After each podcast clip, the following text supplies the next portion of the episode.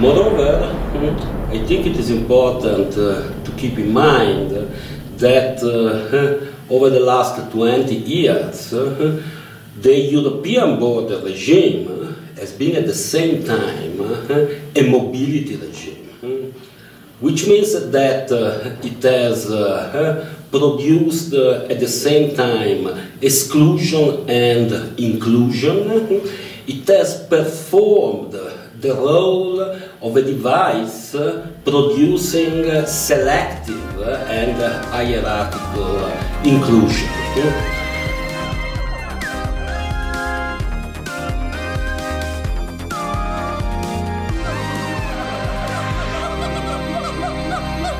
Välkomna till Apans anatomi.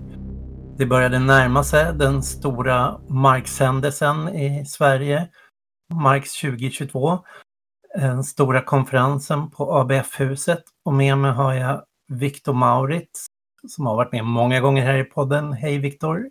Hej! Alltid ett eh, nöje och en ära. Ja, och du är också med och arrangerar den här konferensen.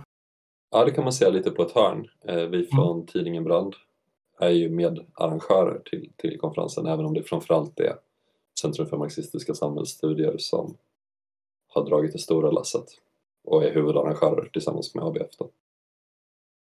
Och vi tänkte prata lite om eh, en av huvudtalarna, Sandro Mesadra från eh, Italien. Mm. Och du har intervjuat honom i Senaste Brand också. Just det. Senaste Brand eh, har tema, dubbelnummer med tema gränser och tema extraktion. Så det är två temadelar. Och till den här extraktions båda hans ämnen som han brukar skriva om också. Ja, exakt. Det är ju verkligen, han är liksom personen som förkroppsligade där numrets dubbelteman på något sätt. Så.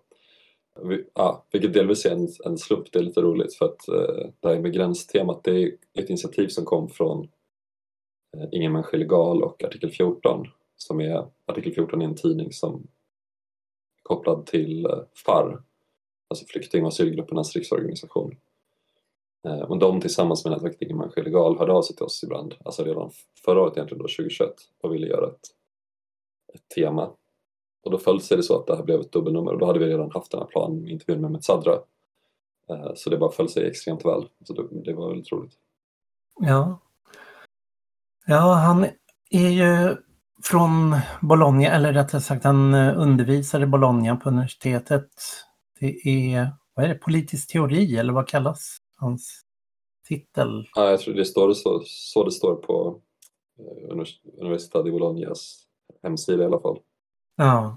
Men precis, det är väl liksom... Tjänsta politiker, det brukar väl nästan översättas till statsvetenskap ibland tror jag. Liksom på... Precis, men det är också skillnaden på politisk teori och, ja. och statsvetenskap. Jag vet inte riktigt. Det är sånt där är så olika. Men han är väl alltså en politisk tänkare.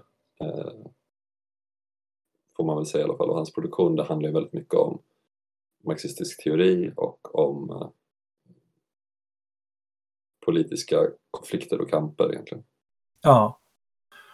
ja. När jag bodde i Bologna så var han en av dem som jag tidigt sprang in i och gjorde intervjuer. Sen har jag översatt flera texter av honom och då var han med i något som hette Taolo Migranti som var um, en eh, migrantgrupp som jobbade mot ett, att stänga ner ett flyktingförvar där som var fängelseliknande i Bologna.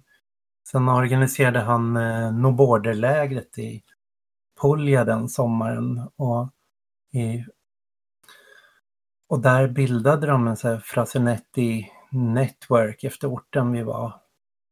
Som blev också ett sånt där, ett av de här europeiska No Border Ingen människa illegal-nätverken som var speciellt aktivt på de sociala forumen. Sen var med och gjorde en, finns ett av de um, bästa bokförlagen i Italien när det gäller autonom teori, det heter Derivea Prodi. De har, hade en tidning också med samma namn och där var han väl en av de medredaktörerna. Så i samband med de sociala forumen, då gjorde han som, eller de gjorde en slags eh, militant rörelseundersökning där de gjorde temanummer om rörelser i Europa och sen gjorde de i Nord och Sydamerika och tittade olika delar av världen. Och en av de mest spännande numren var det om postkoloniala rörelser för han lyckades gifta ihop liksom postkolonial teori och operaism och få ja, Spivak och Negri liksom visa på likheterna däremellan.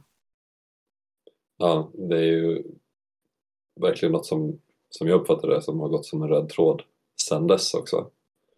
Eh, att det är liksom väldigt mycket där han är än idag. Eh, det är ju intressant att höra den här exposén också liksom över dina aktivistkopplingar eh, till honom. För det här är ju liksom inte bara en, en akademiker utan det här är ju liksom ett, ett politiskt tänkande som kommer från aktivism och från, liksom, från de sociala rörelserna.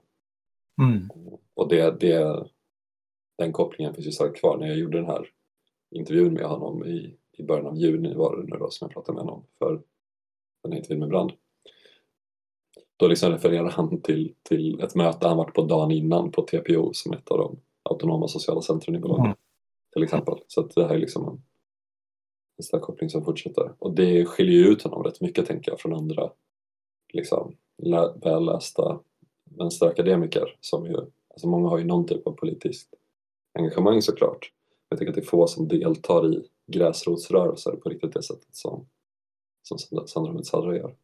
Ja, Nej, det är en sån här människa som jag vet inte hur många länder och konferenser möten och toppmötesprotester jag har sprungit in i honom i olika delar av världen. Jag mötte honom i London och Paris och jag har varit på någon kommunismkongress i Frankfurt där jag mötte honom. Liksom, och, så att, eh, I Berlin. Så eh, han, han är verkligen eh, överallt och han är en av de få italienarna som är bra på engelska och bra på tyska också. Så han är ju, han är ju väldigt, har varit väldigt aktiv i Tyskland också. Liksom, jag tror, vet inte om han till och med har bott där eller haft något utbyte där. Så, mm. så, mm. Och det, i Italien så har de ju, jag tycker i liksom Sverige så är det sån, man är så livrädd att koppla ihop akademi och aktivism just för att det är där högen sätter in sin stora slägga mot liksom, universitetsvärlden. Att eh, du får liksom, som akademiker, liksom, som forskare så ska du delta i samhällsdebatten men du får inte delta i aktivism. Men i Italien så är det ju mycket mer att det finns en självständig tradition av eh, akademiker, forskare där som hela tiden organiserar konferenser och kongresser i anslutning till rörelserna och på sociala centren och i, när det sker stora mobiliseringar. De, de har formaliserat ett nätverk som det hette Uninomade först och nu heter det Euronomade när de har liksom breddat sig. Som har en, eh, de har en, liksom, en sommarkonferens, ett sommarläger varje sommar. Eller det brukar vara i september, italiensk sommar ungefär. Så. Så ja, men där Negri är någonstans liksom den här, uh, man kan se att han, texterna som skickas dit så sitter han och tittar på texterna och liksom och gör, liksom putsar på dem ungefär så um, och där Sandro är liksom en av de, de drivande i det där Euronomade-projektet och, och deras hemsida är liksom konstant uppdaterad med liksom politiska analyser. Det, det är nog den italienska sida jag läser mest. Det är nog den. Det, är, det är intressant att det finns den där starka miljön aktivismen kring det jämfört med här i Sverige. Här är det ju mer så här rädslan för några hypotetiska repressalier egentligen. Det finns ju inte så mycket exempel på allvarlig repression mot så här vänsterforskare för att de skulle göra något aktivistiskt i Sverige.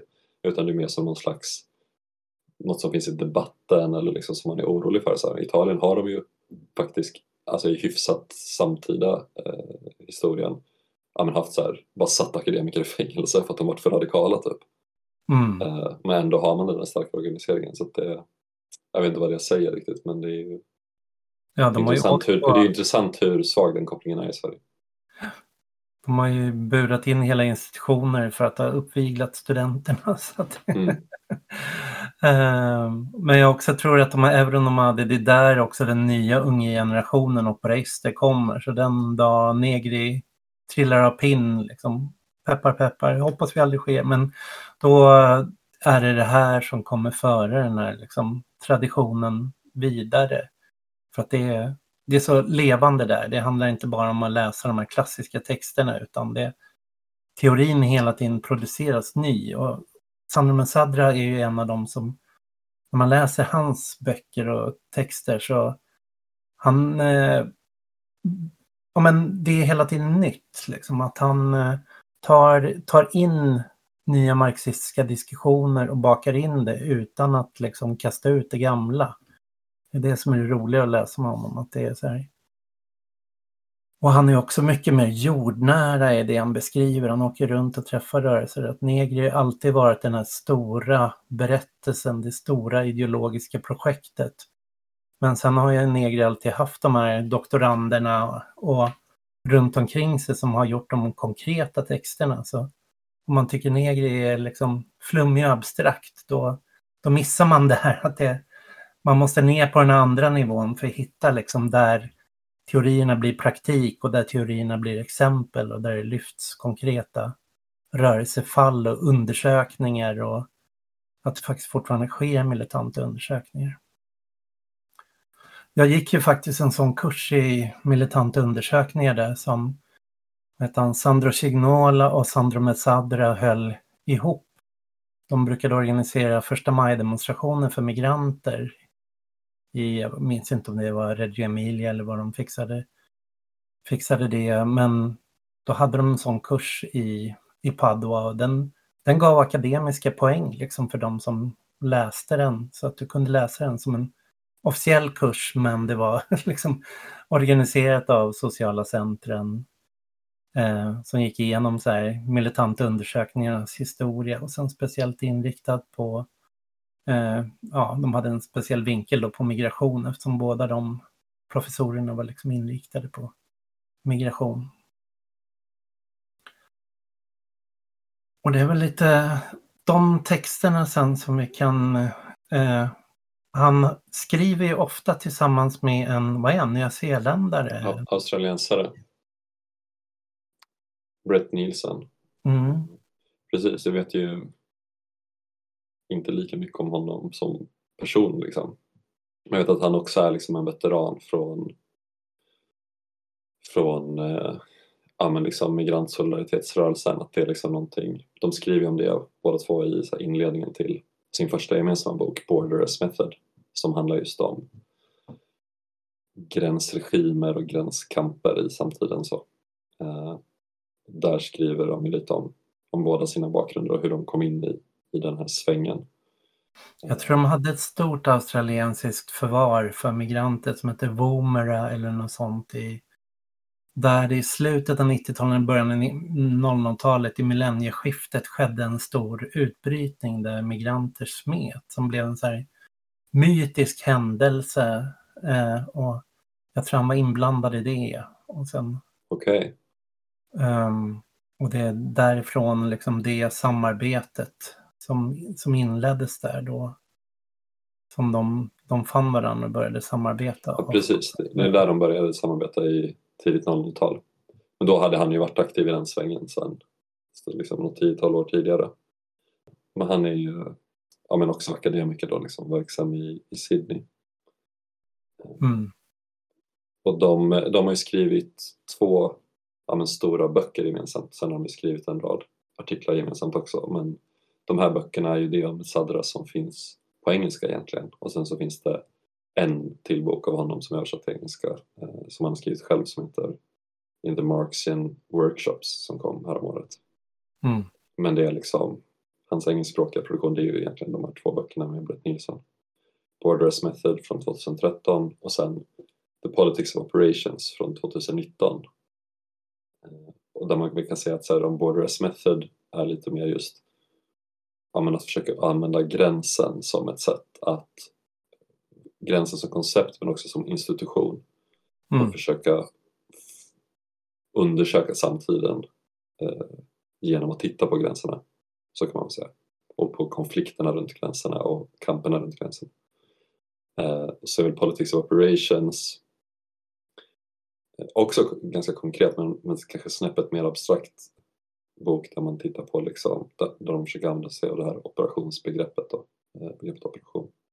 Mm. För att eh, teckna en ännu mer sammanhängande bild kan man väl säga av, ja, av den samtida kapitalismen och framförallt liksom det antikapitalistiska motståndet i alla dess olika former. Mm. Jag har bara ägnat den där Borderless Method och det verkar vara ungefär samma innehåll som i den kursen jag gick där för honom 2008. Jag skrev en text om det på min blogg då att eh, gränser går inte mellan länder utan det går igenom dem. Mm. Och just det där att inte se gränser, gränsregimer bara som att det handlar om hur man eh, bevakar gränsen till landet utan gränsen innebär liksom att du får en eh, uppdelning av eh, folk i landet i du skapar en hierarki och då inte bara så i form av papperslösa och de med medborgarskap utan eh, i Italien till exempel så var det ju helt, du behöver arbetstillstånd, du behöver ha en bostad och om du sen har ett jobb och liksom har den där bostaden, då kan du få liksom uppehållstillstånd och liksom ha en chans till medborgarskap. Mm. Men om man tar en familj då, då kan det vara här, då blir det här väldigt flytande, att du kan ha barnet går i skolan, eh, du kanske har en bostad och sen så får du kicken från ditt jobb för att det är olika så här, visstidsanställningar, ofta i liksom kanske gigarbeten eller lagerbranschen, där du liksom får jobba kortare perioder. Och det innebär att du kan gå mellan en legal och en illegal status väldigt snabbt och att det är olika personer i familjen kan ha olika status och att det där förändras hela tiden. Och det också då skapar liksom en slags svart marknad med liksom att försöka lösa det där hur man ska fixa med bostäder, fixa med jobb för att kunna få alla de här. Så det innebar att, liksom så här, att prata migrationsfrågan det var inte bara en fråga om, eh, om medborgarskap eller eh, uppehållstillstånd utan det var också en fråga om rätten till bostäder och liksom arbetsrätt. Hur de, så ofta gjorde de så, sociala centren där var ju att man hade, man fungerade som ett socialt fack. Att du hade en basfackförening, typ som motsvarande syndikalisterna här, dit du kunde gå och eh, få hjälp, rådgivning och organisering utifrån bransch. Sen nästa kväll i sociala centret så hade du italiensk undervisning och så nästa kväll så var det eh, rådgivning kring bostäder, hur man kunde liksom skaffa bostäder. Så att de försökte liksom täcka alla de här aspekterna och det motsvarande har vi inte här i det sättet att tänka på det sättet. Nej, det finns ju, det finns ju liksom ett menar, ganska eh, starkt exempel just nu liksom i Stockholm på eh, hur man försöker organisera migrantarbetare i Stockholms LS av SAC. Det liknar ju mycket liksom det arbetet som gjordes för ja, drygt tio år sedan också av SAC eh, men med ett annat LS och så. Det är en, en historia för sig. Eh, men det är ju liksom inte, det är, men det är inte precis det är inte samma motsvarande helhetsgrepp. Eh, även om jag senast typ igår swishade någon slant till en insamling för att hjälpa en medlem där med liksom, ja, men vissa utgifter i väntan på att de försöker lösa problemet efter någon arbetsplatsolycka som den svenska huvudmannen eh, för bygget ja, men försöker smita undan från att och fixa någon ersättning för till exempel. Så att liksom direkt man börjar, jag tänker att det är ett bra exempel, så att direkt man börjar med den där organiseringen, även om man börjar bara på arbetsplatsen, så dyker ganska snabbt de andra frågorna upp med liksom bostad, med försörjning, med liksom hela familjens situation och så vidare. Det är den regimen du beskriver där eh, i Italien och i den här kursen, det är egentligen väldigt likt hur det funkar här i Sverige. Mm. Jag kommer faktiskt på, de som gör det här, faktiskt har det här helhetsgreppet, det är ju Folkets Husby. De har ju faktiskt där Stockholms LS, eh, alltså syndikalisterna och eh, de som var gamla megafonen-folket där ute har ett, som använder Folkets hus i Husby som ett socialt center med juridisk rådgivning dit du kan komma. Så har de, vad heter de, Folkets jurister eller? Mm. De har sin rådgivning där så hjälper man till och sen så har man, tar man upp bostadsfrågan, fackliga frågor, liksom andra praktiska frågor kring eh, medborgarskap eller socialbidrag eller ja, sånt. Så att, ja, de fungerar ju faktiskt på det sättet. Och jag vet att i Malmö har man ju tittat på eh, Folkets Husby och försöker ha planer på att öppna ett liknande i Rosengård. Så inte hur långt de har kommit, men det är ju en intressant modell. Ja, helt klart. Och det kommer ju med liksom den nya regeringen nu och liksom de sverigedemokratiska eh, lagändringarna som kommer komma inom kort så kommer det ju bara bli, bli mer aktuellt. Mm. Men som sagt på många sätt så har det ju redan varit så. Alltså att även om det blir en ökad repression nu kanske de här kommande åren så, så är det ju som att det är liksom mer intensiv form av liksom samma grundläggande struktur som det har varit under de senaste årtiondena egentligen.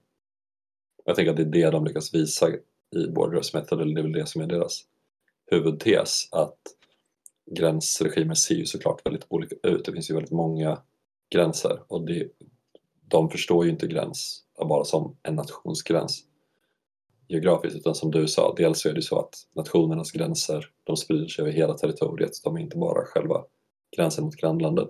Men det är också så att, att gränsen som institution präglas av liksom en, en mångfald av olika juridiska regler som påverkar många olika aspekter av folks liv på olika sätt. Och att det, hela liksom hanteringen av gränserna och allt som interagerar med gränsen, det är liksom hur många olika, både liksom offentliga aktörer men också privata aktörer, alltså både företag och andra organisationer, men också liksom vanliga människor som rör sig inom eller över. Det är liksom just den här, det här myllret liksom av, av olika eh, sociala relationer som konstituerar gränsen. Och det är ju någonting som i allt högre grad liksom, under den samtida kapitalismen de senaste årtiondena har fått liknande former, eller på vissa sätt liknande former i alla fall, runt om i, i världen mellan olika länder. Sen så kan det såklart vara väldigt olika nivåer av, av våld, olika nivåer av, av yttre tvång. Om man jämför liksom jag vet inte, och, alltså typ palestiniers situation och deras relation till gränser liksom, som är så här, helt flytande och liksom, de befinner sig alltid på gränsen på något sätt liksom, samtidigt som de utsätts för ett enormt våld. Typ. Sen å andra sidan då så här, en svensk medborgares relation till eh, Sveriges gränser exempelvis, de är ju radikalt olika men det finns ändå vissa gemensamma nämnare som har att göra med hur gränsen liksom ändå strukturerar hur man förhåller sig till arbetsmarknaden. Att gränsen hela tiden strukturerar hur man förhåller sig till eh, den sociala reproduktionen och att gränsen hela tiden strukturerar hur man förhåller sig till det gemensamma eller det allmänna. Och det är liksom de skillnaderna som gör, eller de likheterna som gör att, att de tycker att de kan prata om gränsen som en metod eh, dels för deras egen del, gränsen som en metod för att, att eh, förstå liksom, sociala konflikter men också gränsen som en metod för kapitalet att på olika sätt eh, ordna eh, olika typer av processer. Och det är väl den biten som de sen utvecklar lite mer i Politics of Operations.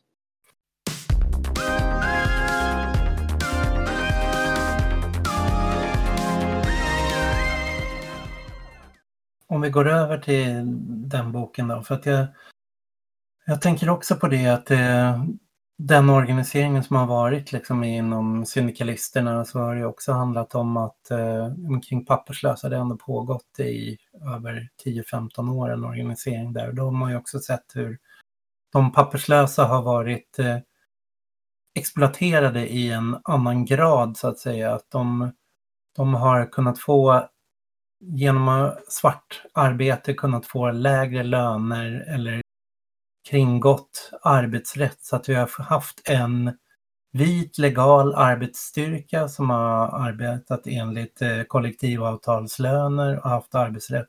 Och sen har vi haft en arbetsstyrka som har varit, stått utanför det där.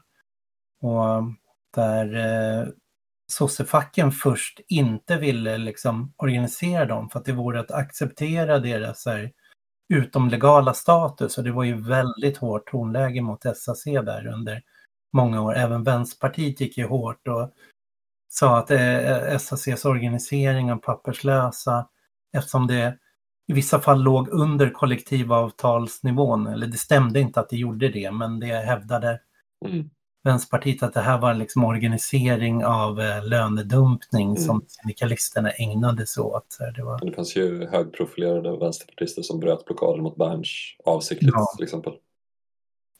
Det var väldigt liksom smutsigt där ett tag tills liksom mm. LO svängde och liksom började organisera mer där. Då blev det tyst på de vänsterpartisterna. Men när man förstod att liksom, men det här fackliga löftet det är att vi ska lyfta de som har det eh, sämst arbetsvillkor, sämst löner, för alla, annars kommer alla dras ner. Det var ju konstigt då att inte stanna där, men då liksom försökte Vänsterpartiet separera att ja, men det där är en politisk fråga, det är inte en facklig fråga, det är politikerna som ska besluta om liksom, medborgarskap och asylrätt och så. Men ja, runt om i Europa och liksom Olle Salström som var en av LOs, eh, ja men en väldigt vettig person där, skrev en bok och tittade väldigt mycket på det här, liksom hur man försökte runt om i Europa och världen liksom använda facklig organisering av migranter för att också driv, genomdriva medborgarskap och rättigheter och mm. inte bara den politiska vägen. Precis, tittar man globalt så har det varit en väldigt prioriterad fråga för ILO också exempelvis, alltså internationella eh, facksamarbetsorganisationen mm. som är kopplad till FN. Eh, och det är ju inte något som, alltså när folk tänker på migrantarbetare då tänker man ju, jag tror att många tänker att det är något som mest finns i de rikaste länderna, liksom migrantarbetare de åker till EU eller till Gulfstaterna eller till USA, Kanada och så vidare. Liksom. Men så är ju verkligen inte fallet. Utan du har ju liksom massa burmesiska migrantarbetare i i Thailand. Du har liksom massa laotianska migrantarbetare i Vietnam och så vidare. Så mm. migrantarbete, och det är ju inget, det är inget nytt fenomen, fenomen heller. Det har ju funnits liksom i, i alla, alla tider. Läs Vilhelm Mobergs skildring av Kristina och Karl-Oskar. Liksom. Alltså, mm. Det är ju inget, det är inget nytt eh, på det sättet. Men det är ju någonting som har fått helt andra proportioner idag Eh, och som liksom intensifieras och accelereras i allt högre mm. grad. Och vi hade ju också den här Vaxholmsdomen då som, eh, som facket kämpar väldigt mycket mot att det, liksom, man vill att svenska kollektivavtal skulle gälla i Sverige oavsett var de anställda kom ifrån. Att även migrantarbetare från Polen skulle jobba enligt svenska kollektivavtal. Det skulle inte gälla de avtal som var ingångna i, i Polen som var en långtgående konflikt kring det. Ehm, men det intressanta med alla de här sakerna det är att de handlar om exploatering, om, mm. Eh, om det är lönekamper och var lönenivåerna ska sättas. Ehm, och den här Politics of eh, Operation, den tittar ju på mer än exploateringen, alltså det utsugningen som sker inom produktionen. Så här. Kanske ska säga någonting först om, så här, jag har lite svårt själv att beskriva det. Vad menas med det här operationsbegreppet mm. som de använder? Precis, och det är ju liksom det är ju ett abstrakt begrepp, liksom. det, är ju, det är ju ofrånkomligt. Men de hämtar ju det från, alltså det är inte en operation som i kirurgi vi pratar om här, utan det är en operation som man tänker sig inom logistik mer alltså operationen att ägna vissa resurser åt att eh, utföra ett, ett visst uppdrag, liksom, att uppnå ett visst mål. Ja, vi tänker ju nästan som militära operationer. Där ja, liksom... precis, men det är den bemärkelsen man använder ordet operationer, som en militär operation. Exakt. Och det de skriver är ju att liksom, de, deras syfte med att använda det här begreppet är att de, de menar att det understryker de spänningarna som skär igenom kapitalet eller de olika kapitalen eller genom kapitalismen.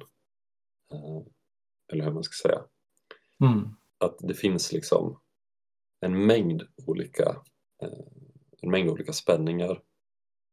Det handlar om eh, hur olika kapital på olika platser befinner sig liksom under olika juridiska ramverk i olika kulturella kontexter, olika geografiska kontexter, olika demografiska kontexter och så vidare. Det uppstår massa olika spänningar hela tiden.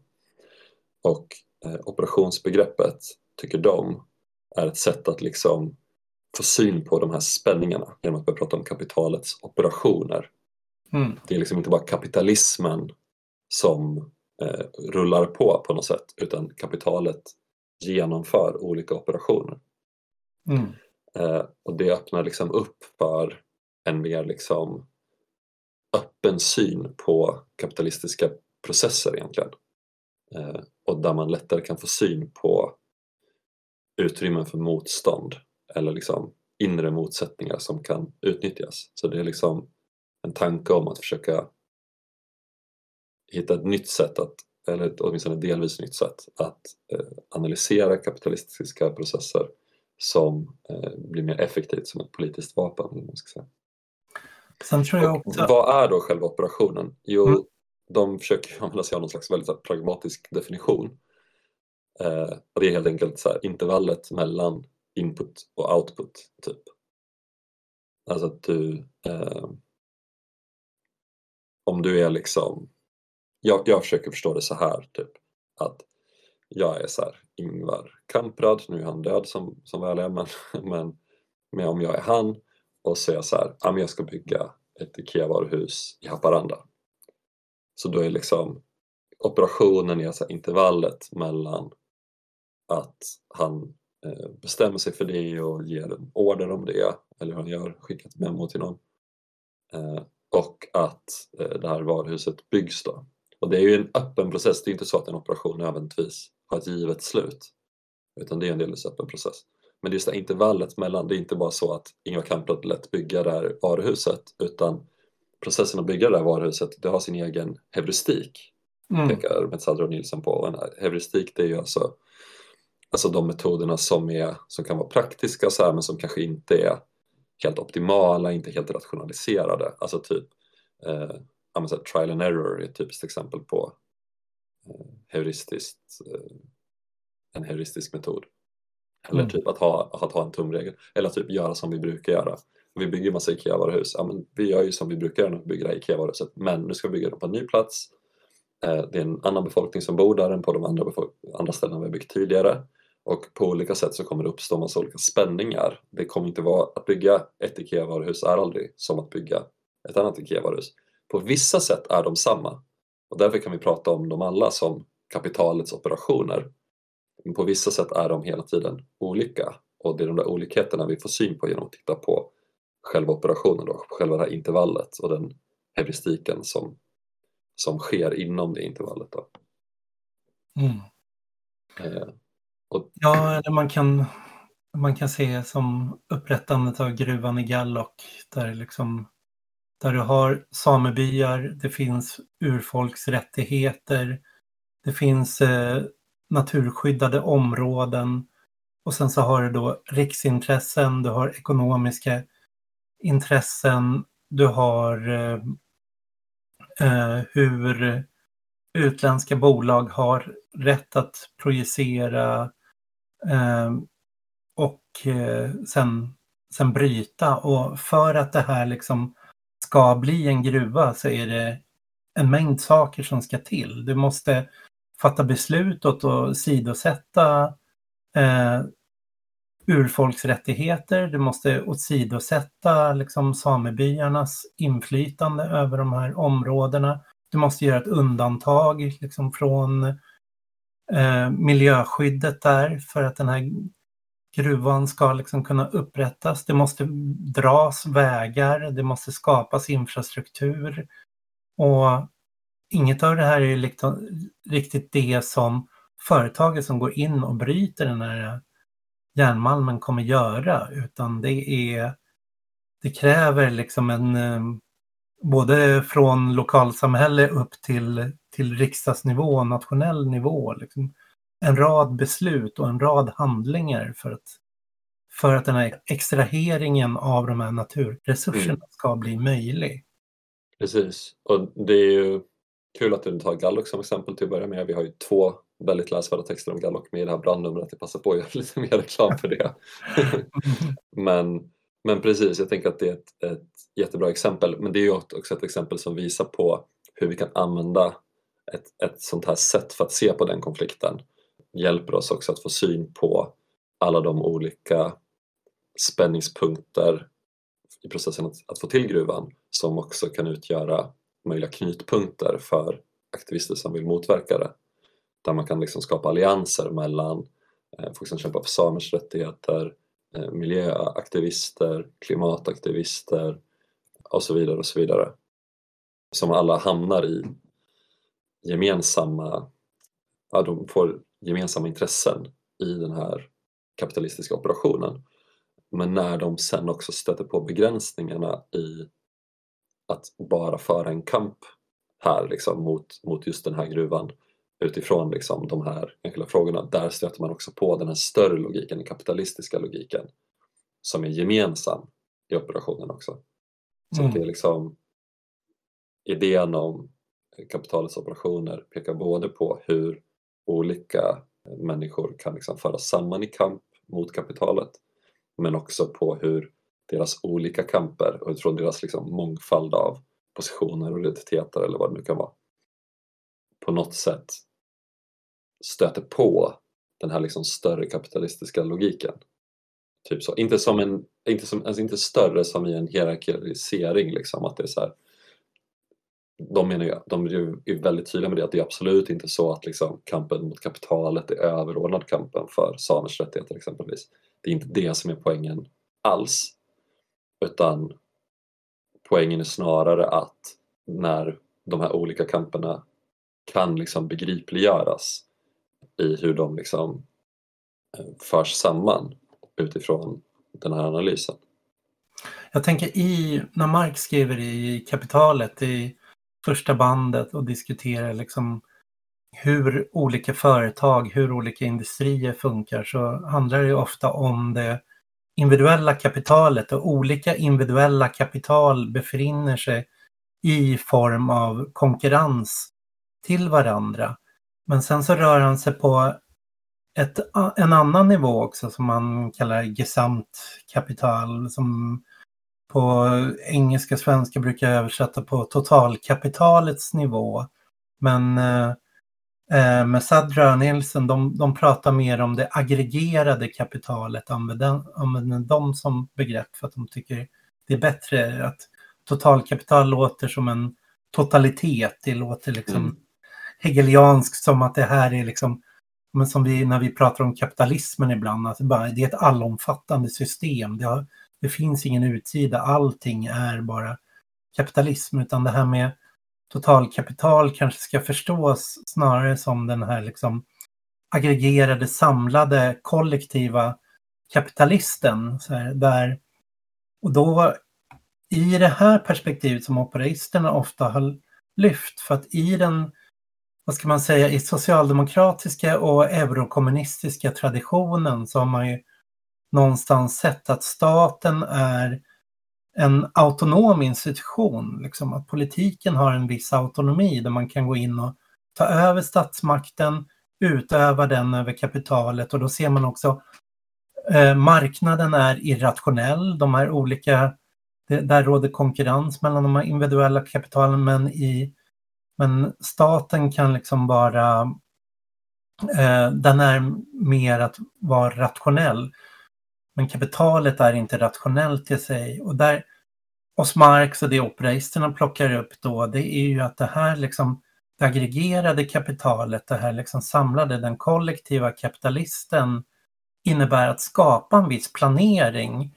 Att man eh, eh inför arbetsrätt, eh, arbets, eh, eh, bestämmelser kring liksom barnarbete eller liksom arbetstider. Man skapar infrastruktur, bygger bostäder, vägar, skolor, sjukvård. Att det kräver liksom kollektiva investeringar genom skatt och då blir staten blir liksom inte en institution utanför kapitalismen utan det handlar snarare om man kanske ska se så här, både så privat offentliga partnerskap eller form av social ingenjörskonst, liksom folkhemsbygget, hur man eh, byggde miljonprogrammen, att allt det där handlar om att eh, ak aktiviteter för att skapa den befolkning som kapital, enskilda företag, enskild industri kan efterfråga.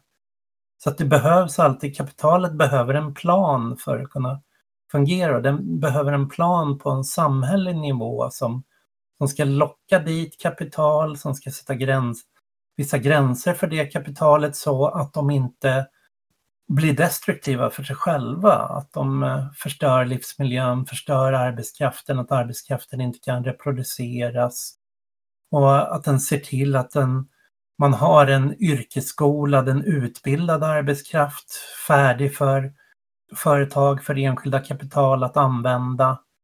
Så att det där innebär liksom en rad politiska beslut och då blir inte det här liksom ekonomi, politik liksom separerat på samma sätt utan det kräver liksom att eh, ska du liksom attrahera investeringar, attrahera kapital så, så ska du skapa vissa förutsättningar för det som handlar om allt från bostäder till arbetsrätt till vilka ja, rättigheter du har när det gäller att ta till godo naturresurser, liksom extrahera, upprätta gruvor. Det där är väl också det jag tänker liksom med Sadrani liksom bygger vidare då på med det här äh, operationsbegreppet så att säga.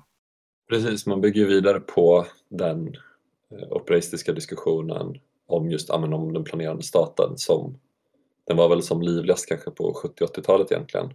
Mm. Och det, jag tror det var Negri väl som först liksom skrev om det här med liksom Crisis of the Planner State. Ja, men det Planner State hade vi ju redan i Sverige då. Det är ju det som är folkhemmet.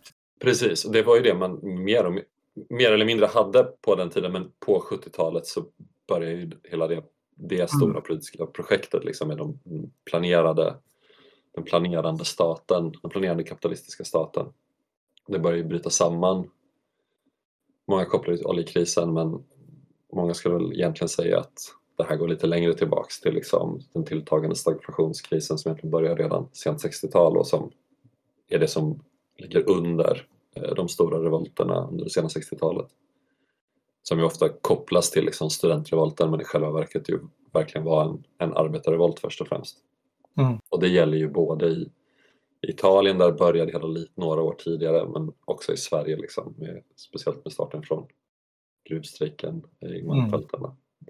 Och eh, det var lite kul, Sandro sa det i intervjun, liksom, vi pratade om det här, att han bara, men det vi, operist, eller så det vi autonoma brukar vilja framföra när man pratar med nostal, när man pratar nostalgiskt om så här, efterkrigstiden, det är att så här, Fordismen var inget himmelrike och Fordismen krossades av radikal arbetarkamp, inte av någonting annat.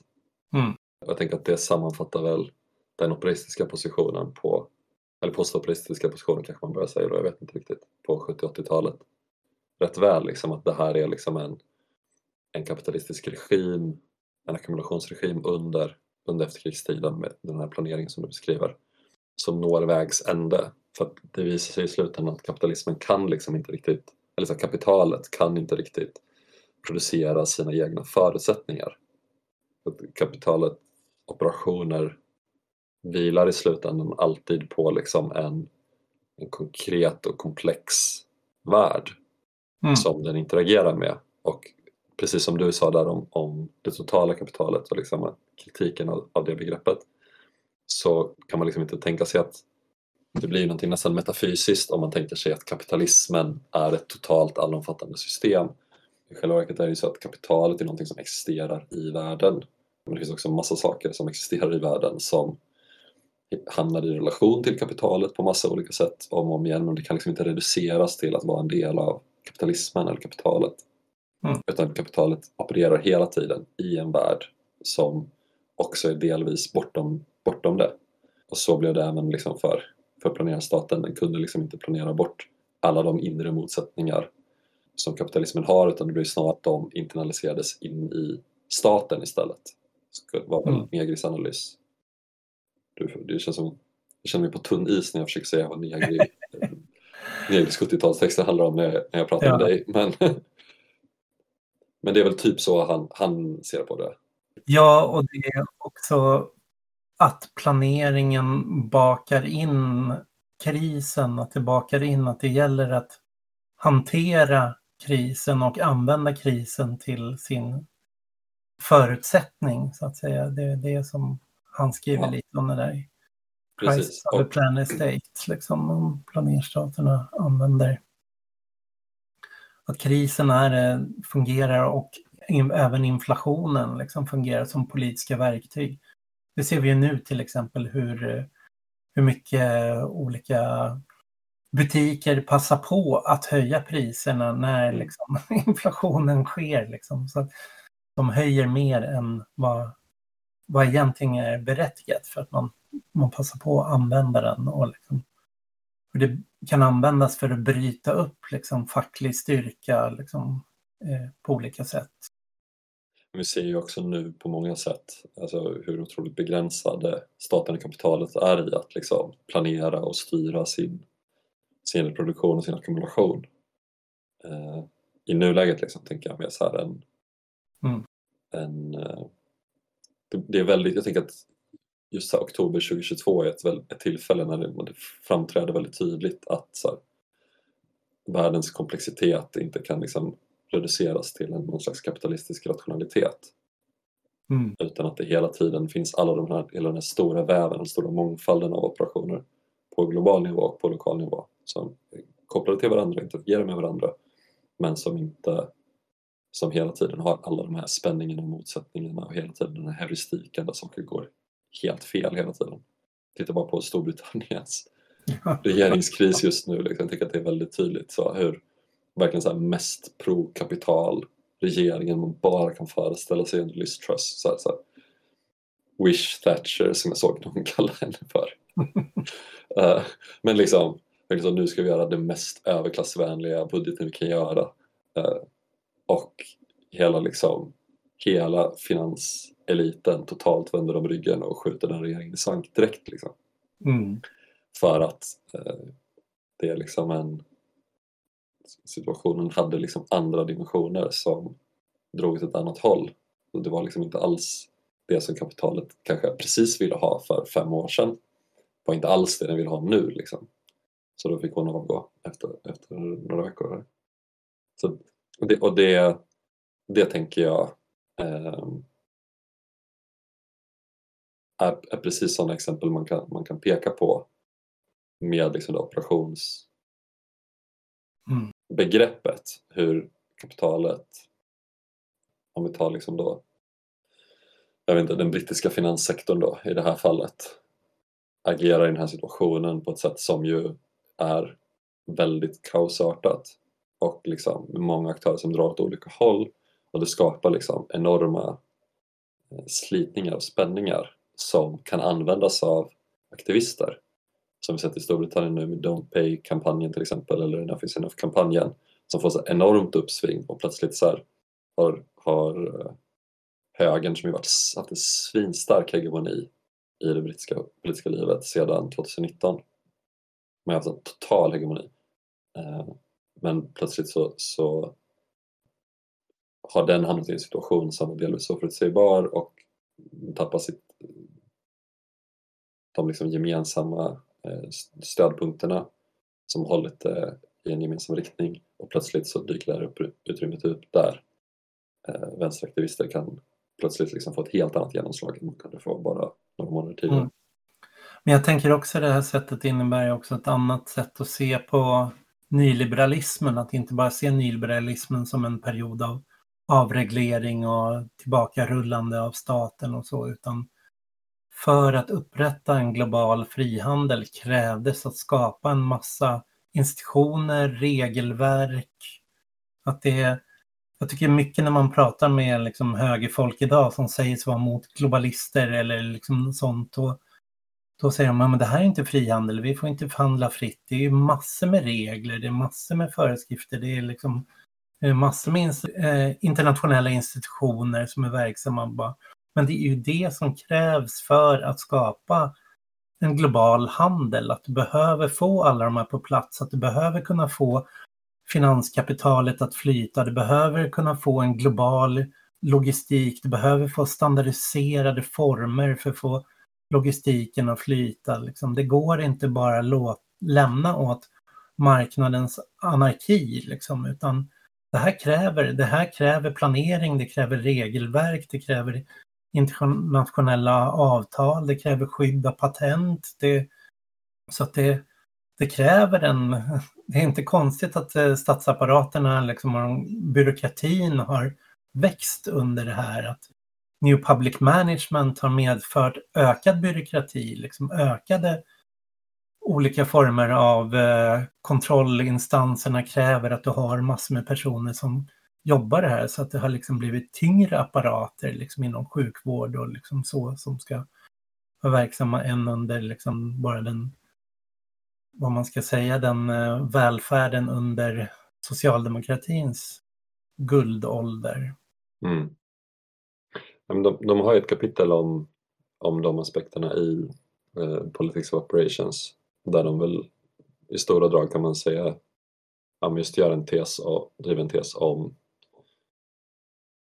Alltså å ena sidan håller de ju helt med eh, Wendy Brown som du och jag pratat om tidigare men inte om den här boken då men hon har skrivit en bok om hur liksom eh, de allt mer militariserade och liksom alltså allt det här murbyggandet vid gränserna mm. eh, hänger ihop med att eh, staternas suveränitet på många sätt avtar under samma period.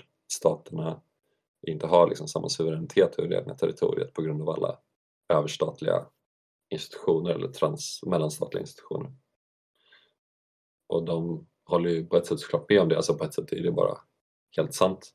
Men det finns också en annan aspekt av det som är att de här liksom över och mellanstatliga institutionerna gör ju inte bara staterna svagare. Alltså att på, ett, på vissa sätt blir de mindre suveräna men på vissa sätt får de också ökade förmågor, ökade resurser. Mm att göra olika saker men de är också ändå begränsade i vad de kan använda dem till av de här ramverken. Så man kan liksom inte bara tänka att det är nationalstaten försvinner eller blir mindre viktig utan det är snarare så att, att nationalstaten omformas i ett, ett eh, inte en kontext som är mer global kanske men liksom i en, en delvis ny eh, global kontext. Det är egentligen väldigt liknande idéer som Arthur Negri skriver om i Imperiet. Mm. Men de lägger väl större tonvikt kan man säga med Söder och Nilsson vid ja, men just de här motsättningarna och spänningarna eh, mellan de här nivåerna och eh, hur det på olika sätt också hela tiden ger, eh, alltså, eller under, underblåser den ständiga återkomsten för olika former av ekonomisk nationalism som vi också sett väldigt mycket av eh, de senaste åren. Alltså, mm. America First och Brexit men, ja, men även här i Sverige.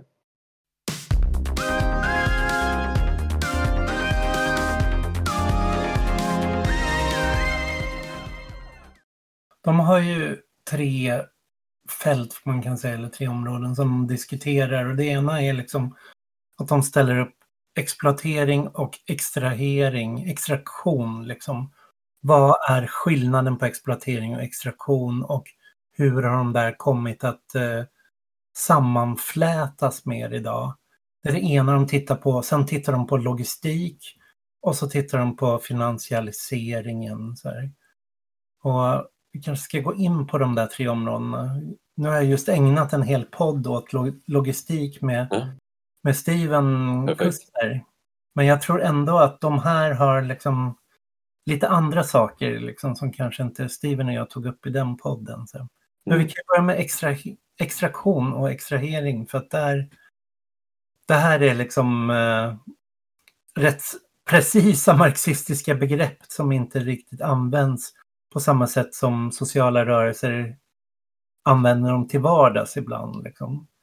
Nej, precis. Och det här är någonting som Sandro la mycket tonvikt vid i intervjun vi gjorde också. Så det här är något man kan läsa hans egna ord om i, i Brand. Jag kommer klämma in, fortsätta klämma in brandreklam här under poddens gång. Ja.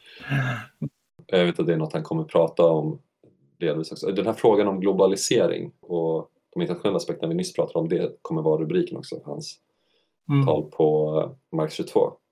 Om man, om man lyssnar på det här innan den konferensen. eh, Händelsevis. Kan man höra mer om det där. Men precis, alltså det de...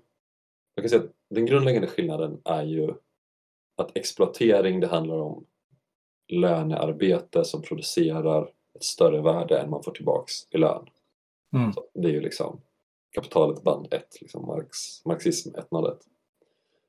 Det är ju i sig så då att, att fråntag eller ex, extraktion, eh, det är ju också kapitalet band 1 då i och för sig, men det är på slutet av, av bandet. Mm. Och lite kortare beskrivet och utvecklat på senare ställen så det är ändå lite mer överkurs.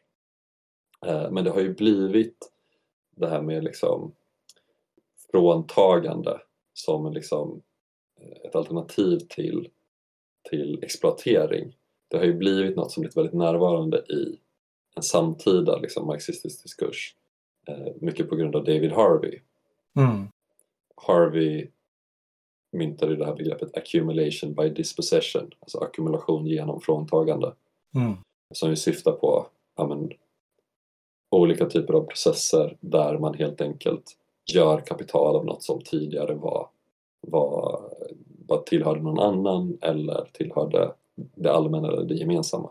Mm. Man, man inhägnar någonting, gör det Ja. till en vara eller plockar upp det ur marken eller hämtar det ur skogen eller hämtar det ur det sociala eller kulturella. Precis. liksom. Och, klassiska Harvey-exempel är ju typ privat-offentlig samverkan där liksom, alltså olika former av kapitalvinster via skattepengar helt enkelt. Eh, eller typ eh, privatisering av offentliga rum i våra städer eller på andra platser. Den sortens grejer så, som eh, ackumulation genom fråntagande. Men eh, och han ställer det då i- så, i kontrast till eh, exploatering i eh, kapitalistiska varuproduktionen i liksom den klassiska marxistiska bemärkelsen. mm. Mm. Men det, det Metsadra och Nilsson försöker göra är att på något sätt överbrygga den här uppdelningen. Kan man väl säga. Mm. Ja. Och liksom, att dagens liksom, produktion av värdeproduktion och rikedom bygger, där flyter det här ihop liksom. ja, Både extraktionen och exploat exploateringen. Att det är som ehm, att det krävs alltid lönearbete för att skapa vissa saker. De tar som, som ehm, men alla digitala plattformar. Du behöver ju liksom folk som sitter och kodar, bygger de här apparna, bygger de här datasystemen, liksom, som bygger Facebook eller bygger eh, en speciell gig-app liksom, mm, som, som du ska kunna använda. Men det värde som produceras i det här liksom går inte bara att förklara utifrån den nedlagda arbetstiden hos de här kodarna. Utan det finns även en extraktion där, liksom att man inhägnar det som oavlönat produceras i de här områdena och, och gör det till, till varor. Så att en, en del av det här lönearbetet också går ut på det här liksom inhägnandet då av oavlönat arbete. Så att du i eh, sociala medier eller vad du än gör, du, du producerar massor med relationer, content och liksom eh, som sen kan liksom förpackas och säljas till annonsörer så att du blir varan som det, ditt sociala umgänge där blir varan som sen säljs i form av statistik eller i form av målgrupp för reklam eller valundersökning eller, eller, ja, eller skapa vissa koder. Liksom. Mm, precis, och jag tänker att den stora poängen med ett sånt resonemang det blir mer att vi får inte liksom stirra oss blinda på det ena eller det andra och bara tänka att vi ska kämpa mot fråntagandet, att vi ska kämpa mot exploateringen och tänka att den organiseringen, det är två olika sfärer. Utan att, att, nej att det på ett sätt är samma kamp. Helt enkelt kampen mot liksom de digitala plattformarna i det exemplet du gör. Det finns ett utrymme för solidaritet där mellan användare och eh, de som är anställda inom ett sådant företag. Att de här gränserna blir flytande mellan liksom vem som står i konflikt med det specifika kapitalet. Och det är också någonting som vi får syn på genom att, att tänka på det som en, en kapitalistisk operation där själva liksom värdet uppstår inte bara genom arbetet, lönearbetet och inte bara genom extraktionen utan bägge de här delarna precis som du säger. Och då mm. kan vi också få en solidaritet däremellan men det kan också ske en splittring däremellan. Så det här är någonting som kapitalet kan använda men det är också någonting som vi kan använda mot kapitalet. Och det är väl det vi måste tänka kring skulle väl kanske de säga då. Mm. Ja visst. Mm. Och jag tänker att det hänger ju väldigt mycket ihop med den andra biten som du, som du lyfte. Alltså den flytande, allt med flytande gränsen mellan exploatering och extraktion den hänger också ihop med liksom finansialiseringen. Där det hela tiden är så att hur vi kan exploateras i våra lönearbeten hänger väldigt mycket ihop med vår skuldsättning och alla de olika sätt våra liv finansialiseras på. Men eh, finansialiseringen bygger också hela tiden på olika processer som innefattar lönearbete som skapar eh, eller åtminstone potentiellt skapar de, de värden som finansiell spekulation spekulerar kring. Mm. Så du kan liksom inte bara kämpa mot finansialiseringen utifrån liksom de skuldsattas perspektiv. Du kan inte heller bara kämpa mot den utifrån alla de som arbetar i olika berörda arbeten utan det är ju samma personer i de flesta fall. Ja, och det är lönearbetarnas pensionspengar som sen också... Ja, dessutom. Mm. Jag har en kompis som precis fått jobb på eh, en av AP-fonderna. mm. på det. Jag tänker att det är liksom... Och, och som nyligen tog ett bolån. Hoppas jag inte hänger ut honom för mycket, jag ska inte säga vem det är. Men att det är ju liksom, det tänker jag är att man verkligen hittar den skärningspunkten på något sätt. Men jag tänker att det också går tillbaks till en annan fråga som, som vi pratade en del om i intervjun eh, som vi gjorde med Sandro men som också är så väldigt central i Politics of Operations och det är ju frågan om kamper och så här, vad är en kamp? Mm. Och, och, där eh, befinner sig ju de i en tradition som ju skiljer sig rätt mycket från ja, men liksom, gängse vänsterteori. I det att liksom se på kamper, och man vill inte göra den här uppdelningen mellan ekonomiska kamper och politiska kamper. Det tänker jag, det är väl inget nytt kanske för mm. lyssnare på apans anatomi men jag tänker att det är liksom en, en viktig fråga för att också förstå varför det, här, varför det blir relevant att tänka kring det här med de här operationerna. För det blir också ett begrepp som, som överbrygger den skillnaden mellan politiska kamper och ekonomiska kamper. Ja, i din intervju så han gör skillnad också på kamper inom systemet och mot systemet, eller hur? Ja. Vad innebär det? Ja, men det handlar väl om att liksom, ja, men det går lite tillbaka till det exemplet jag pratade om innan med Gallock, om vi tar det som ett exempel. Mm. Att om du tar var och en av de olika aktörerna som kämpar mot etableringen av gruvan i Gallock, de tar var och en av dem för sig, så för var och en av dem för sig en kamp inom systemet, skulle man kunna hävda kanske. Det finns ju säkert olika radikaler som ingår i de olika grupperna som har en utvecklad systemkritik Så jag vill inte osynliggöra det men det är liksom man, man kan ju föreställa sig en, i alla fall en kamp för samers rättigheter som i övrigt är liksom väldigt mycket inom rådande både ekonomiskt och politiskt system men vi ska ha de här rättigheterna. Liksom. Eller samma sak med miljö miljöaktivisterna. Sen så är det väl mer och mer så att miljöaktivister i väldigt, väldigt hög grad hamnar i konfrontation med systemet men, men det finns ju också väldigt många exempel på miljökamp eller liksom miljöpolitik inom ramarna för systemet och så vidare. Mm. Men sen när de här kamperna förs samman och hamnar i liksom, den här konfrontationen med liksom, de här internationella kapitalrörelserna. Och de ger ju många exempel i Politics of Operations. Det är ju, dels har de de här parkockupationerna i, i Istanbul, de här tunnelbaneprotesterna i Rio de Janeiro 2013, 2014.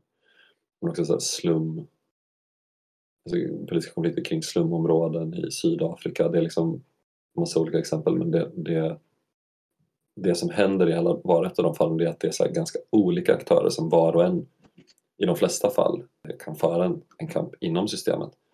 Men att när de här konflikterna uppstår som har att göra med kapitalets utsidor, alltså att det är en kapitalistisk operation som på något sätt behöver in i den konkret komplexa världen där det finns liksom de här motsättningarna som ska göras till en del av kapitalet. Då uppstår de här koalitionerna och när de uppstår då stöter de snabbt på begränsningarna för sin egen kamp i den här lokala kontexten. Det blir liksom inte bara en fråga om en park i Istanbul utan det blir en fråga om hur eh, kapitalistisk stadsomvandling funkar på en mer, alltså, hur, alltså vilken logik den har eller agerar enligt på något sätt. Mm. Alltså det, den andra delen av det, vi har ju å ena sidan det konkreta och komplexa å andra sidan det här kapitalistiska som är mer liksom en abstrakt logik som är liknande på alla de olika ställena. Och det är den eh, dimensionen som blir den här konfrontationen mer med, liksom, med systemet. Mm. Vi kan väl ta som eh, eh gränskampen eller migrantkamperna som ett exempel också. Där ja. De som kämpar för liksom, medborgarskap, asylrätt, liksom jobba med dem. De, de jobbar ju på att påverka politiken innanför systemet. Men om man bara ser det som den enda kampen som förs, då missar man ju att det, det är faktiskt ett aktörskap i att ta sig över gränserna, att undergräva de här gränsregimerna, att ta sig runt, hjälpa varandra hitta bostäder, hjälpa varandra hitta jobb och att där liksom sker liksom ett så här undergrävande, en underström och att det, det är också en form av kamp. Liksom. Och det är inte en kamp inom systemet utan det kanske är en kamp mot systemet att undergräva varje hur den här regimen är tänkt för att fungera, för att hindra människor att göra det här och hur man, hur man tar sig runt det, kringgår det eller liksom ja, på olika sätt liksom flyr, duckar eller konfronterar det här. Mm. Nej, men det är, tycker det är ett superbra exempel också och det är ju något som också känns, känns väldigt aktuellt så här, i tidelagstider. Mm. Det är därför jag tänker att den frågan får en sån laddning med liksom, i så högernationalistisk retorik. Att det är liksom en fråga om att att återupprätta nationen för man ser hela nationen som hotad av, av eh, migrationen och speciellt den irreguljära migrationen. Och jag menar precis, alltså den autonoma tolkningen det skulle ju vara att ja, det är det. och det, det, det är någonting bra. Ja, det är ju så slående hur mer nya försöker både stänga ner institutioner, stänga ner som miljödepartementet och så ser det här liksom de som verkar för eh, internationell rätt eller liksom mänskliga rättigheter eller Parisavtalet som ett hinder, som en bromskloss som man vill få undan på olika sätt. Eller de som verkar för jämställdhetsplaner på universitetet eh, som hot så att man liksom vill montera ner det här på olika sätt. Men istället så får man då ett problem, liksom, eller det blir ju en självklar kamp för vänstern att ta, att försöka rädda det här när man inte kan påverka liksom, politiken i en riktning, man inte kan verka inom system. Då blir det någonstans en defensiv kamp att försvara de här eh, institutionsplatserna, rädda så mycket av det man, man bara kan. Men samtidigt så har vi en annan form av politik liksom som riktar sig att det bara ska bli mer kontroll, mer angiveri, att man ska liksom tvinga skolor, sociala myndigheter, vårdinstanser att liksom tjalla på papperslösa, liksom att gå ut och sätta dit dem. Liksom, att där försöker man komma undan den här liksom andra strömningen, liksom att folk har kunnat vistas här papperslösa eller liksom EU-migranter har kunnat ta hit och liksom stanna längre än vad som är, är tänkt och ändå få en form av ha ett socialt skyddsnät här. Liksom att man vill snarare liksom eh, ja, ökad jakt, ökade interna gränskontroller. Man skapar liksom den, den apparaten är ju inriktad på att liksom slå mot de sakerna. Så båda de kamperna sker parallellt och det kommer väl bli intressant att se liksom den här andra formen, vad den kommer ta sig. Och där kommer ju också drabba all form av liksom utomparlamentarisk aktivism och så också. Liksom att man ökar straff på bara liksom blockera vägar eller inför liksom kategorier som sabotage, blåljussabotage, liksom att nu inhemska politiska aktiviteter ska räknas som terrorism. Liksom. Eh, deltagande i terrorism har vidgats väldigt mycket vad som ska räknas in i det. Man vill försöka få in att även gå ha en stöddemonstration liksom för kurder ska räknas som PKK-stöd och kunna liksom kriminaliseras. Ja, och det är ju något som, alltså på ett sätt är ju det ett svar på hur det ändå har funnits en så stark solidaritetsrörelse som har liksom kunnat hålla liv i så mycket människor, så, så mycket människor har kunnat stanna och så vidare. Alltså det är ju något som hela tiden svarar på alltså den kamp som redan förts. Mm. Så det är ju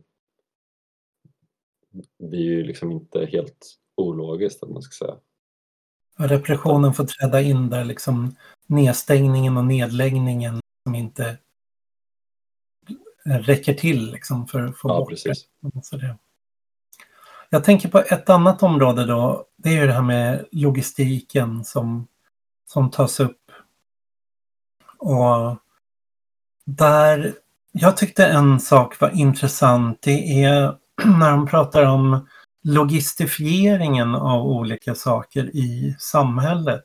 Hur dagens kapitalism bygger på oerhört långa produktionskedjor där man har de här homogena arbetarklassammansättningen har fragmenterats eller de använder ett annat begrepp. De pratar om att den har mångfaldigats, att det liksom mm.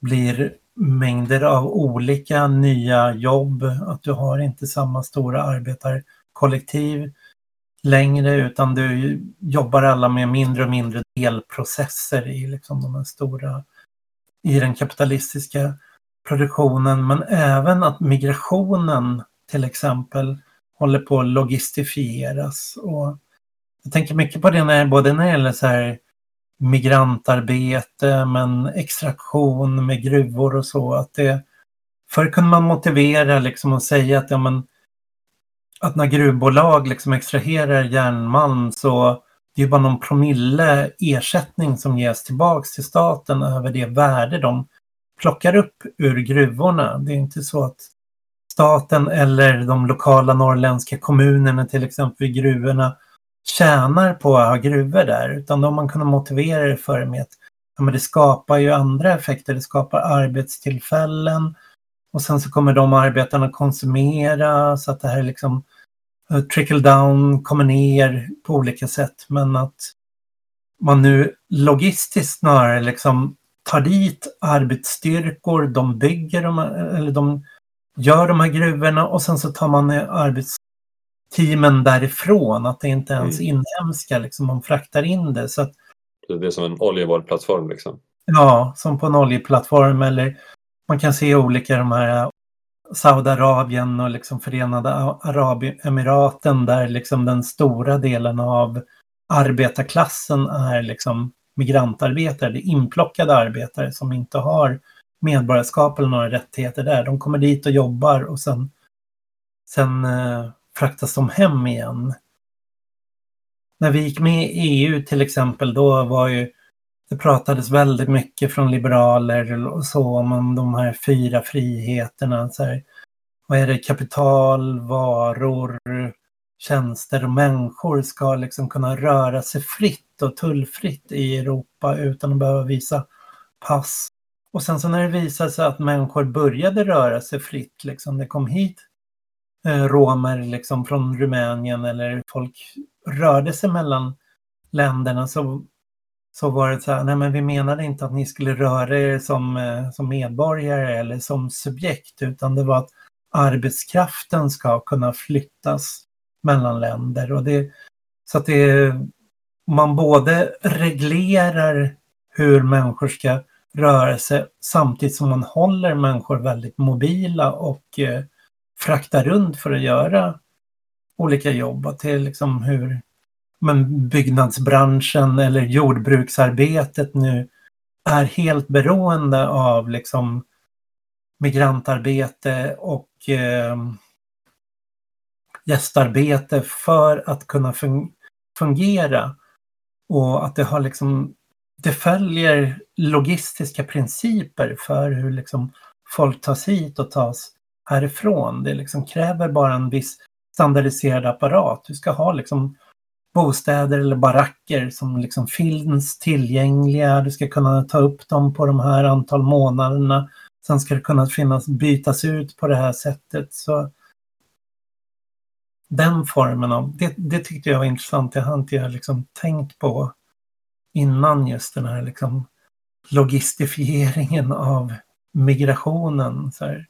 Och den kommer ju inte alls försvinna nu under, även om vi har liksom en brunklöver, än liksom hela den eh, nationalkonservativa regeringen, utan den kommer de ju jobba på att fortsatt upprätthålla. Det är ju inte den formen av migration de vill få bort, utan de vill få bort den vilda migrationen. Liksom, så här, den som flyr av utifrån behov. Och, men däremot kommer de vilja öka just den här logistiska migrationen. Den som tas in, tas ut och liksom fraktas runt liksom i, som containrar. Ja, åtminstone delvis tror jag. Jag kan tänka mig att det ändå är en konfliktfråga delvis liksom, inom högern.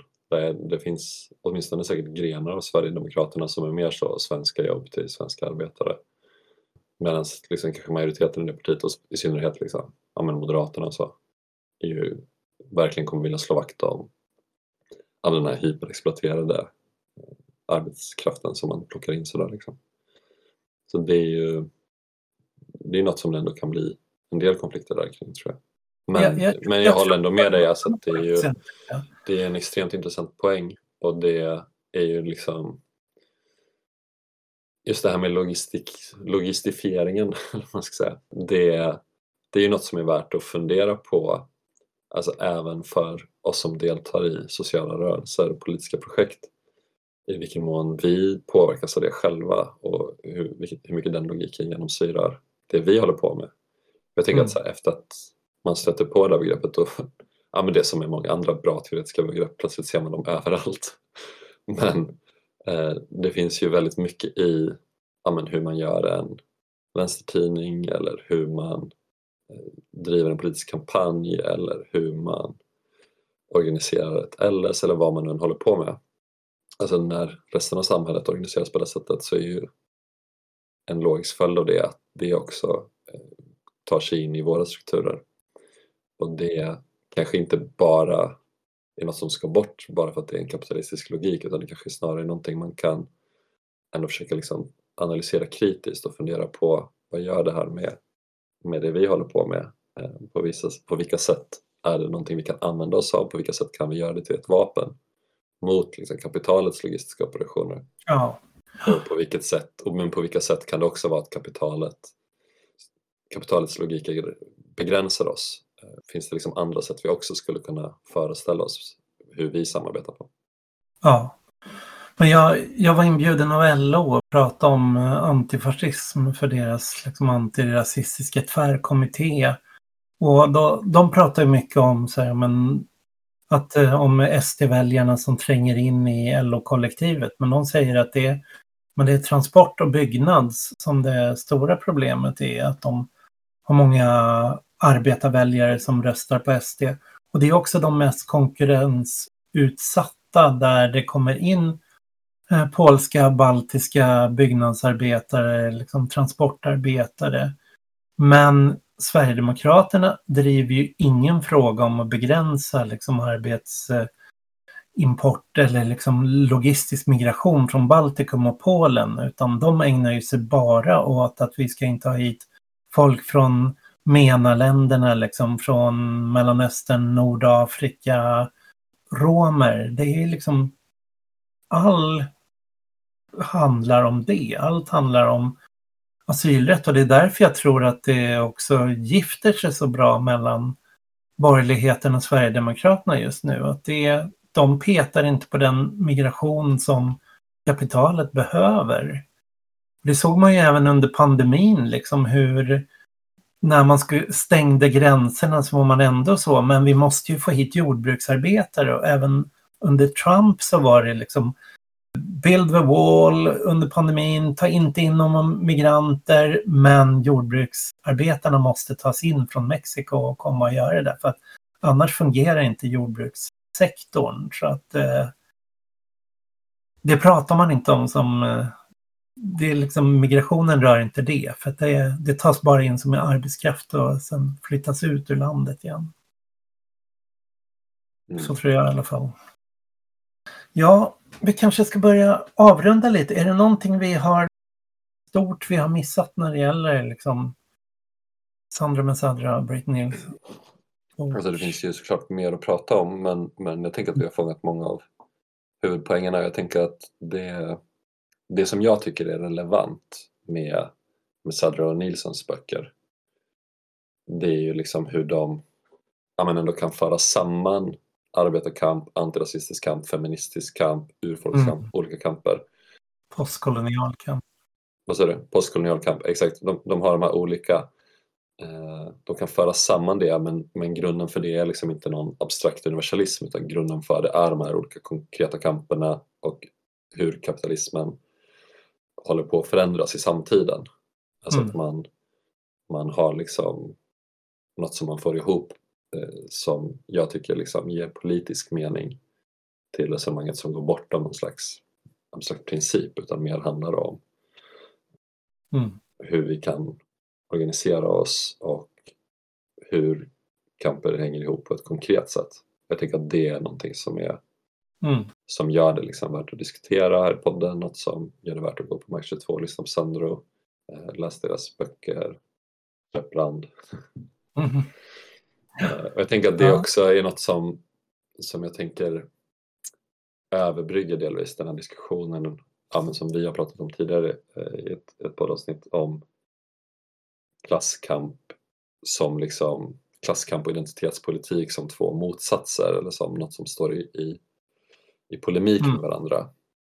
Men genom att just fundera på det här med ja, men hur ser exploatering egentligen ut idag och eh, hur mycket det ändå hänger ihop med ja, men alla de här sakerna vi pratat om nu under avsnittet. Mm. Det gör liksom att man kan man kan liksom komma förbi den, den debatten och liksom komma tillbaks till frågan om hur vi ska organisera oss. Ja, för oss negrer om det här multituden blir ett väldigt stort filosofiskt abstrakt begrepp så de använder ju det sättet att tänka och det mm. lyfter de direkt till liksom boken, men konkretiserar Vad innebär det här? Vad innebär det för en klassammansättning? Vad innebär det för på alla de här områdena? Så det är peppande att läsa på det sättet. Ja, exakt. Ja, men som Mm. du sa precis i början, liksom, det är ganska jordnära. Mm. Ja, ja nej, men tack Viktor för det här. Liksom, och tack för att du har gjort den här intervjun i brand plockat hit honom. Ja, mitt Så- nöje. ja, hoppas Vi att vi ses alla på, på Mark 22. Mm. Och jag kommer också vara där och hålla en workshop om ehm, det som jag också har poddat om, om det här en multipolär värld och prata om den globala arbetarklassen. En annan del av de här eh, diskussionerna. Ja, Ligger precis. väldigt Och det är ju också det är ju, knyter ju an till Sandros Mm. Tema för det han kommer prata om som handlar just om så här, är, globaliseringen verkligen över? Spännande. Och ses vi där. Det gör vi, ha det bra.